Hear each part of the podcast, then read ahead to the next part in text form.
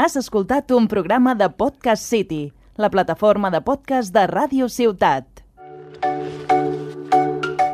What up, world? It's your boy, just one of the guys down here.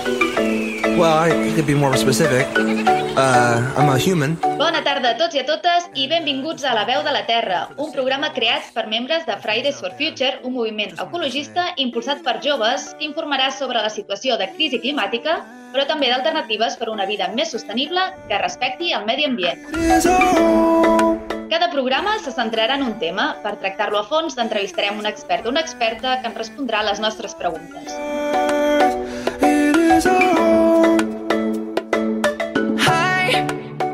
Aquest contingut conduït per jo mateixa, l'Edel Martínez, des de casa meva. Comencem! Hay una cuestión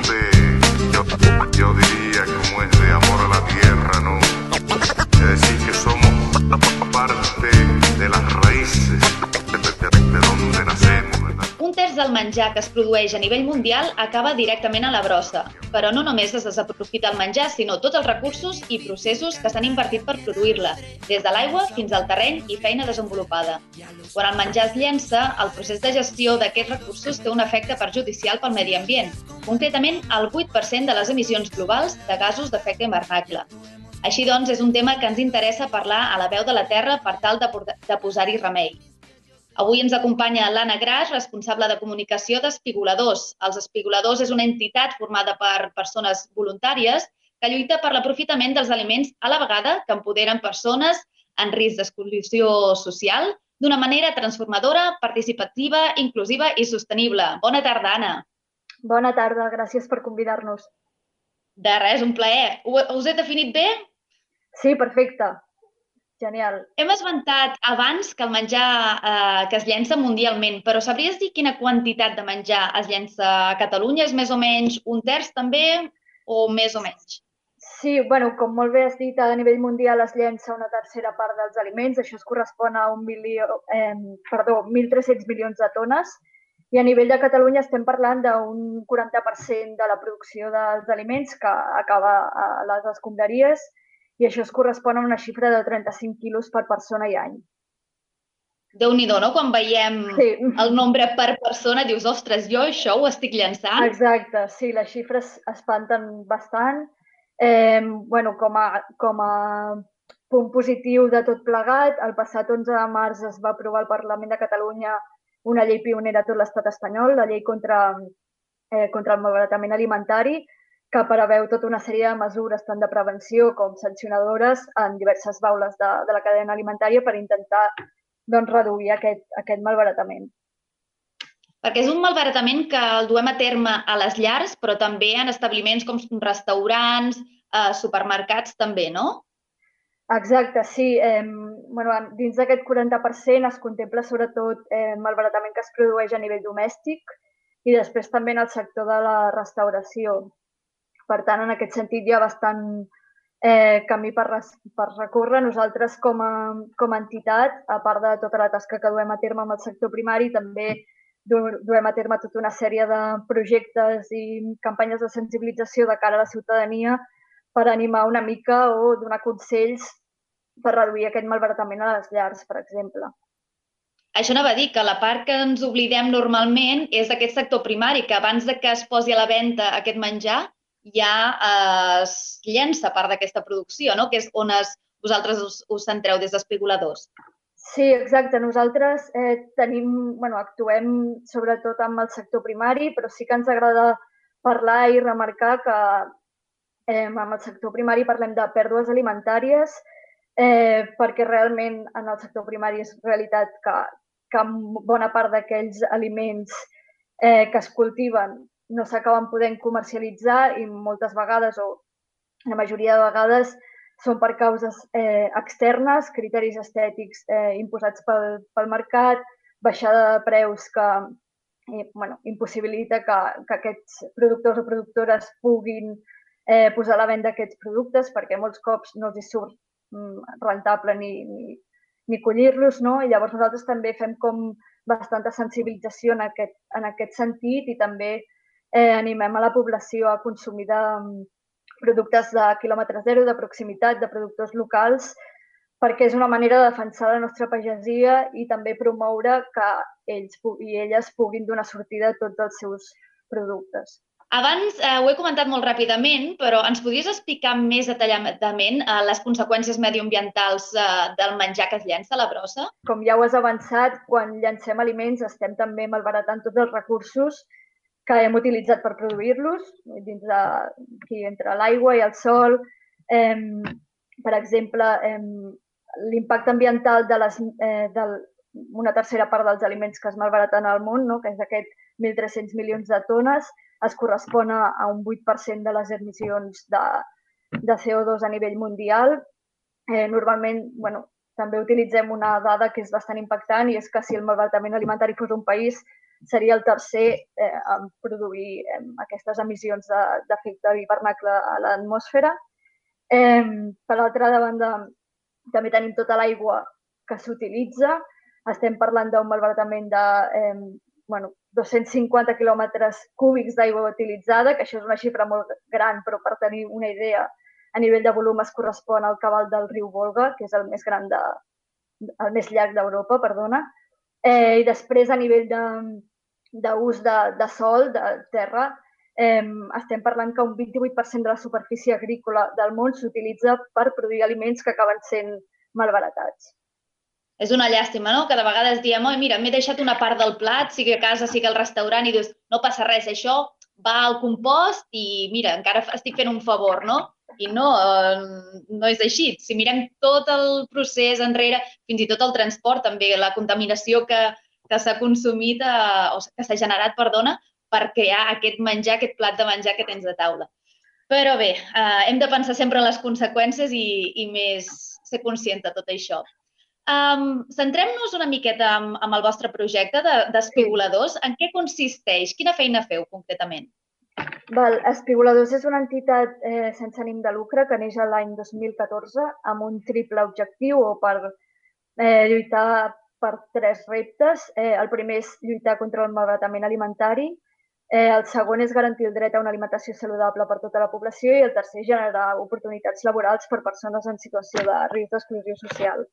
Llavors, això ho fem recuperant l'activitat de l'espigolament, que és una activitat que ve de lluny. Realment a la Bíblia ja es parla de, de l'espigolament, després també com a referència el famós quadre de, de Millet de les espigoladores, eh, i que consisteix en anar als camps del sector primari, eh, sempre amb el seu permís i consentiment, a recollir aquells excedents que ells no han pogut, no han pogut vendre o no, no li han pogut donar sortida per tot això que comentàvem abans, no? ja sigui per criteris estètics, hi ha fruites i verdures que per la seva mida, pel seu color eh, o bueno, per la seva forma no tenen cabuda en el circuit comercial.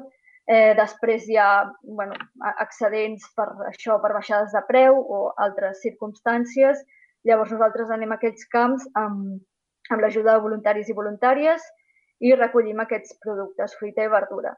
Llavors, què fem? Amb la majoria de, del que collim, un 90% aproximadament, ho portem a entitats socials que treballen per garantir el dret a una alimentació saludable i amb el 10% restant aproximadament ho portem al nostre obrador que tenim al barri de Sant Cosme del Prat de Llobregat, on elaborem una línia de conserves sota la marca És Imperfect i a part eh, l'obrador també funciona com a espai d'inserció sociolaboral.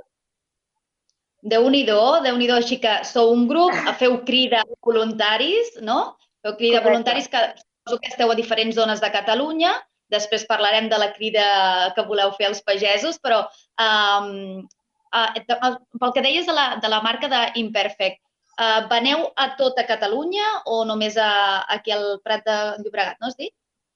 Sí, eh, nosaltres com a fundació i l'Obrador estem situats al Prat de Llobregat, eh, tenim molta mm -hmm. relació amb la pagesia del Parc Agrari del Baix Llobregat, però és veritat que, que això a poc a poc ens anem estenent arreu del territori.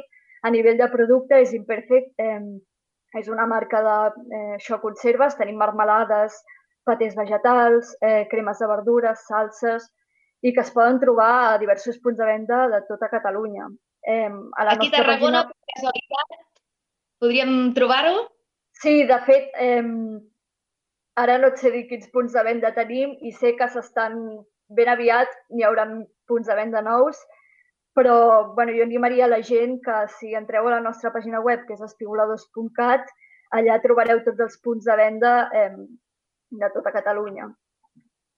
L'altre dia vaig estar mirant la pàgina web i em sona que aquí a Tarragona tenim algun lloc i a Reus també, així que Exacte, si us animeu sí. a, a tastar aquestes melmelades que tenen, la veritat, molt bona pinta, endavant. Um, parlant del, del vostre projecte durant el confinament, que és quan realment he vist que teníeu bastant de moviment per aquí a la nostra zona, uh, heu tingut més feina? Hi ha hagut més accions d'especuladors?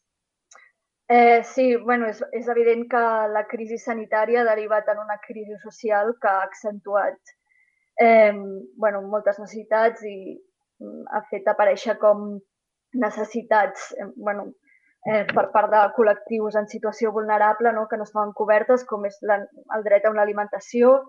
Eh, a nivell de Barcelona, per exemple, i de l'àrea metropolitana han sorgit moltes iniciatives ja sigui des del món de la gastronomia com eh, després xarxes veïnals més autogestionades que volien com donar resposta doncs, a aquesta necessitat no? mitjançant la, la canalització d'aliments i nosaltres eh, doncs ens hi hem sumat eh, tant com hem pogut. Eh, llavors, amb la canalització d'aliments i, i tan aviat com l'estat d'alarma ens ho va permetre, mitjans d'abril vam tornar a reprendre les espigolades amb voluntariat Eh, m'ho vam fer seguint totes les mesures de seguretat que, que, que estaven establertes, amb grups petits i més o menys tancats per evitar doncs, això, els contagis. I eh, el nombre d'espigolades ha anat creixent durant aquests últims mesos per tal de poder donar resposta no, a aquesta necessitat de, de, de producte fresc que, que anava canalitzat finalment a entitats socials o aquestes altres iniciatives. Per la gent que suposo que està escoltant i jo crec que li està agradant aquest projecte, què hauria de fer per participar-hi? I sobretot si és de la nostra zona d'aquí, del Camp de Tarragona.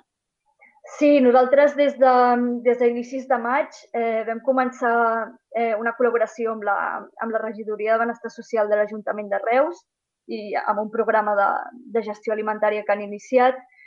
Eh, I vam començar doncs, les nostres espigolades en, en la zona del Camp de Tarragona. Llavors, hem, estem fent una crida a part de productors i productores que vulguin unir-se al nostre projecte, també l'estem fent a voluntàries que vulguin eh, participar a les espigolades. Eh, I des d'aquí també, si entreu a la nostra pàgina web, trobareu un formulari d'inscripcions on us, podeu, us hi podeu apuntar. Ara mateix eh, estem bastant contentes amb la rebuda que hem tingut a, a la zona de Tarragona. Eh, han participat unes 120 persones i bueno, crec que el nombre de, d'inscripcions van en augment i des d'aquí també fem una crida a tota, tota aquesta gent que tingui ganes de participar a les espigolades doncs que, que s'apunti a través d'aquest formulari. Parlant concretament del Camp de Tarragona, amb, crec que heu estat a Cambrils diverses vegades, no? Quines, eh, que heu, quines verdures o quines fruites heu collit?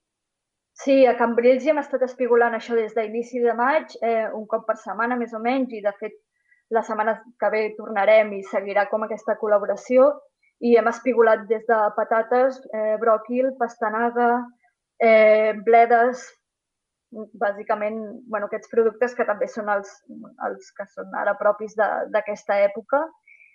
Eh, I això, com des d'aquí, doncs, reforçar com aquesta crida a, eh, fer, fer com una aliança eh, a, a la zona del Camp de Tarragona entre entitats socials, administració, productores i voluntàries que vulguin unir-se al nostre projecte i col·laborar.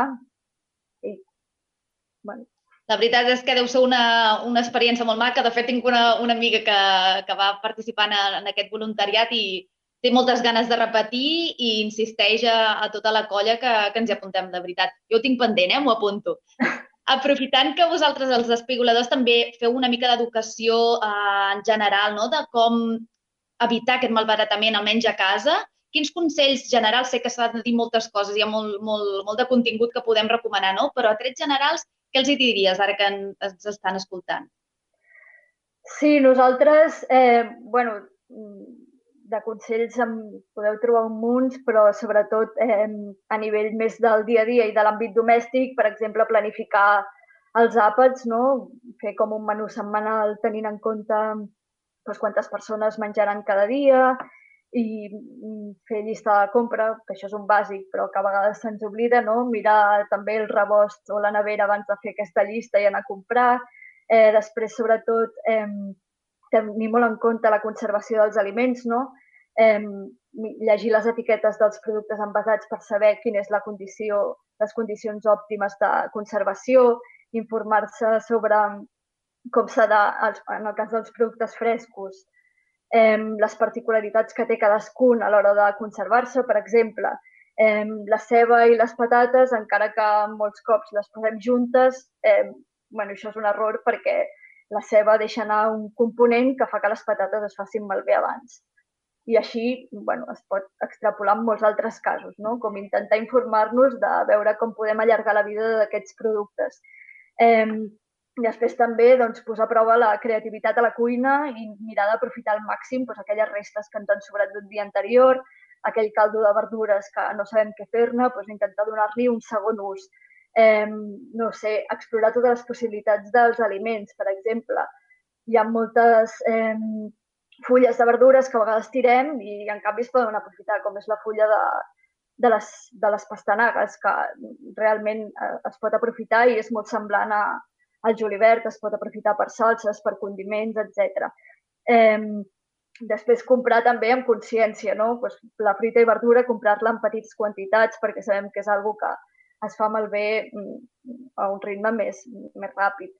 Eh, comprar producte de proximitat per donar suport a la nostra pagesia no? i promoure que realment doncs, les pèrdues del sector primari siguin menors, etc infinites coses que podem Exacte, fer i que, sí. i que no, si no se'ns acut perquè no tenim els coneixements o no ens ho han dit, estem a un clip d'internet i el que deies, no? moltes fulles o moltes parts de, de verdures o fruites que llancem, busquem a internet què podem fer això i trobarem moltes receptes. Jo personalment m'he sorprès amb moltes d'elles.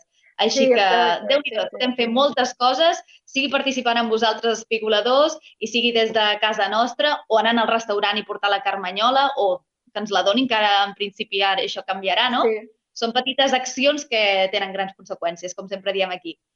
Exacte. Molt bé, doncs, Anna Gras, responsable de comunicació d'Espigoladors, moltíssimes gràcies per haver estat amb nosaltres a la veu de la Terra. Un plaer. Gràcies a vosaltres. Veiem aviat. Moltes gràcies. Merci.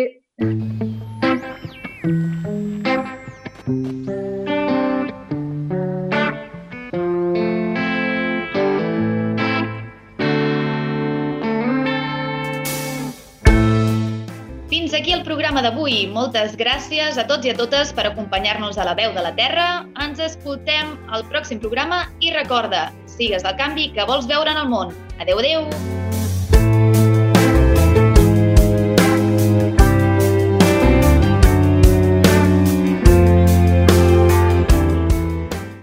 Has escoltat un programa de Podcast City, la plataforma de podcast de Ràdio Ciutat.